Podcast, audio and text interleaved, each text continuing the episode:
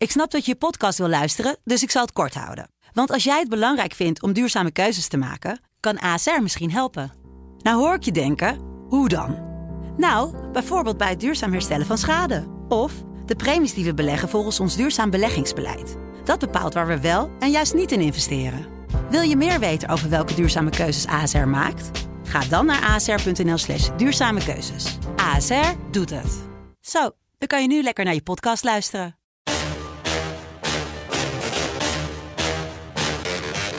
Dit is Strik Privé. De dagelijkse showbiz-update met Evert Zandgoeds en Jordi Versteegde. Met straks een geweldige primeur, een muzikale primeur. Ach, Evert. wat leuk. Wel, ik moet wel zeggen, met dank aan de collega's van 538, maar die hebben dat toch eh, mooi boven water gekregen. We gaan het er zo over hebben, zoals over meer dingen. Zeker weten. Ja, over muziek gesproken. Het is vandaag een trieste dag voor alle fans, maar vooral de familie van Sinead O'Connor. Ja, het was vorige week al, maar vandaag nemen ze afscheid. En dat is toch een, eh, ja, het wordt een, een, een, een echte kerkdienst en zo. Hè? Want zij is altijd eh, heel erg gelovig, weliswaar verschillende geloven, altijd op zoek geweest naar het ware.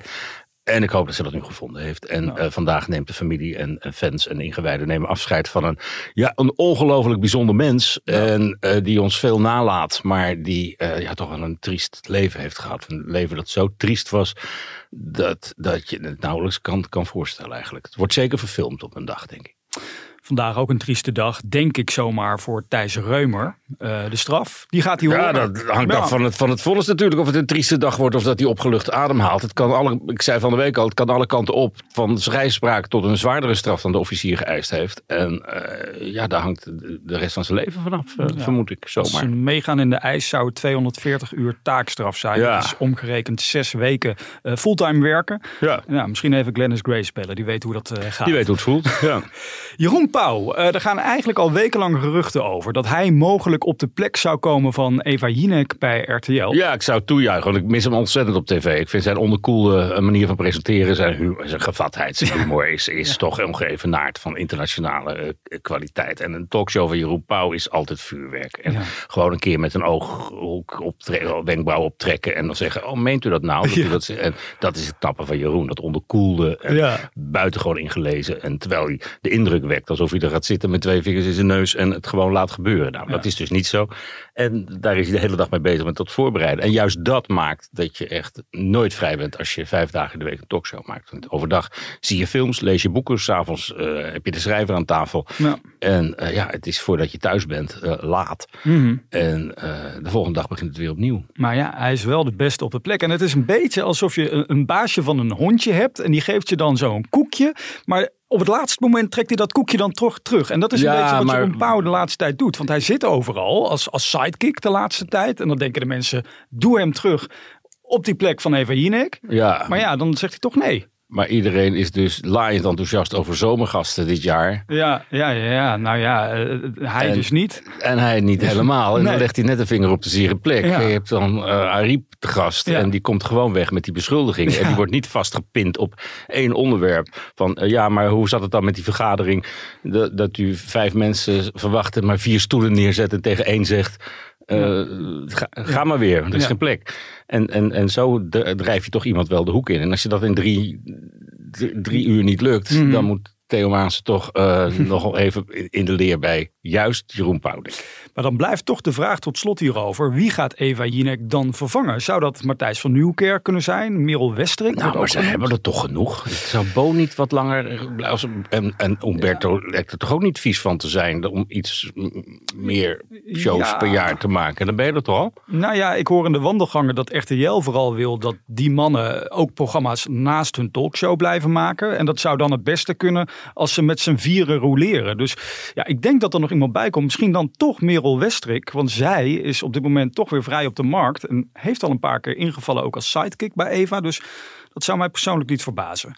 We gaan het zien. we gaan het zien. Zullen wij gaan zingen? Want we hebben weer een jarige. De strikt privé jarige van de dag. Hiep hiep, hoera!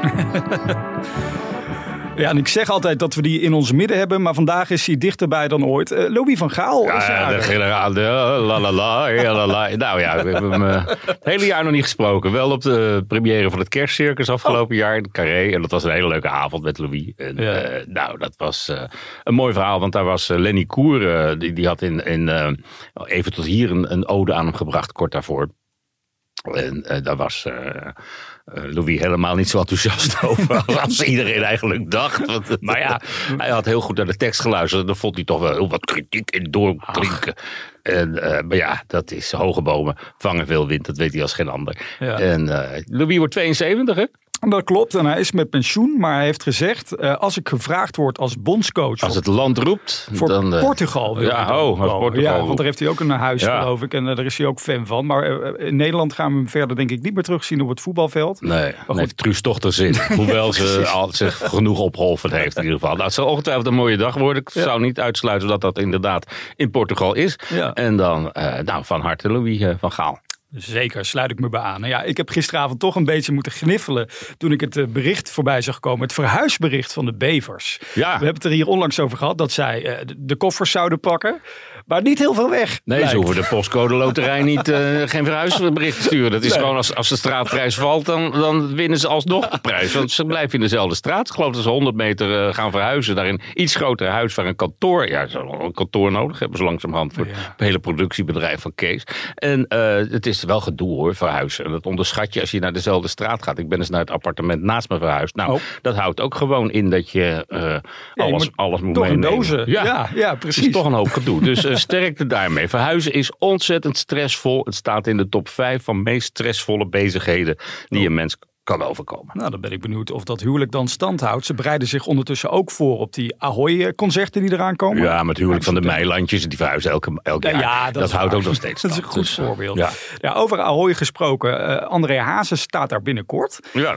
Maar is Mart Hoogkamer nou een beetje het broertje van Hazes aan het worden? Nou, Mart komt binnenkort met nieuw werk. En dat Ja. is heel goed, want we hebben drie maanden niks van hem gehoord. En hij komt terug. Maar ik moet zeggen, wel heel erg sterk. En we kunnen een, een fragmentje laten horen van zijn nieuwe single die uit gaat komen. Zaterdag staat hij voor het eerst weer op de bühne in Woerden, op de braderie daar.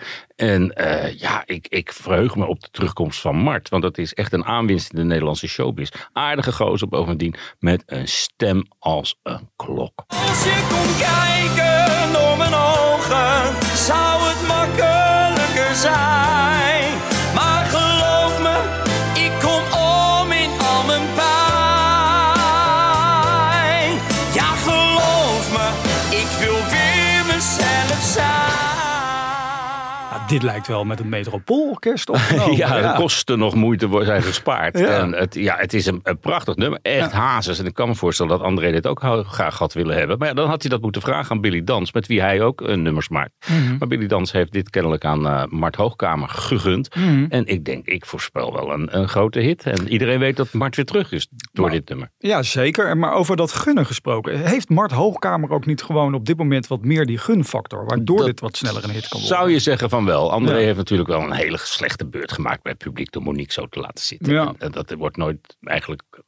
Ja, dat, ja, dat, dat, dat, dat is gewoon zijn imago gewoon niet goed geweest. Ja. En we weten inmiddels allemaal waar het door komt. En daar hebben we een hele film over kunnen zien van vier afleveringen. maar het blijft gewoon een beetje aan hem kleven. En dat is die puinhoop die hij van zijn privé gemaakt heeft op een gegeven moment. En dat slaat dan over op je imago en daardoor op je carrière. Over Ahoy gesproken, Evert. We eindigen deze podcast zoals besproken aan de voorkant Ach. met een grande primeur. En daarvoor hoef ik eigenlijk maar één ding in te starten.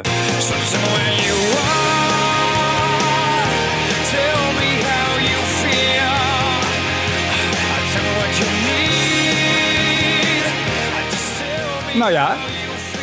Lekker hè, Kane. Kane komt terug. En in, in de enorme oos aan acts die toch maar weer eens een keer bij elkaar gaan komen, Ja. mogen zij niet ontbreken. En als je ziet wat een Acta en de Munnik eh, voor elkaar krijgen door zo vaak de Ziggo uit te verkopen. Niet te geloven. Dat is wel Ja. heel erg knap. En eh, ik denk dat dat met eh, Kane ook zeker gaat lukken. Ja, die gaan naar Ahoy. Heeft Rick Romein vanochtend inderdaad in de 538 ochtendshow bekendgemaakt. Er komt een nieuw album uit. Kortom, dat gaat helemaal goed komen. En inderdaad, naast Akda de Munnik hebben we ook al Crazy Wessep weer terug. Ja. Nu Kane. Dus ik ben benieuwd wat het volgende is. Dat Nou, is wel echt eh, goed voor die model, denk ik ook. Ja, zeker. zeker. Als je Ja. lang genoeg wacht, het moment is daar, dan, Ja. eh, dan kun je flink eh, cashen. En dat gaat uh, Dinant dan ook eh, doen. En laten we er niet omheen draaien dat het ongetwijfeld mee zal spelen. Nou Ja.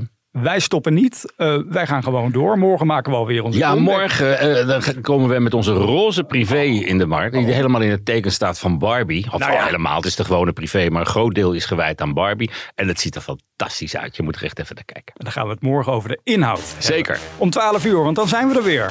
Tot morgen.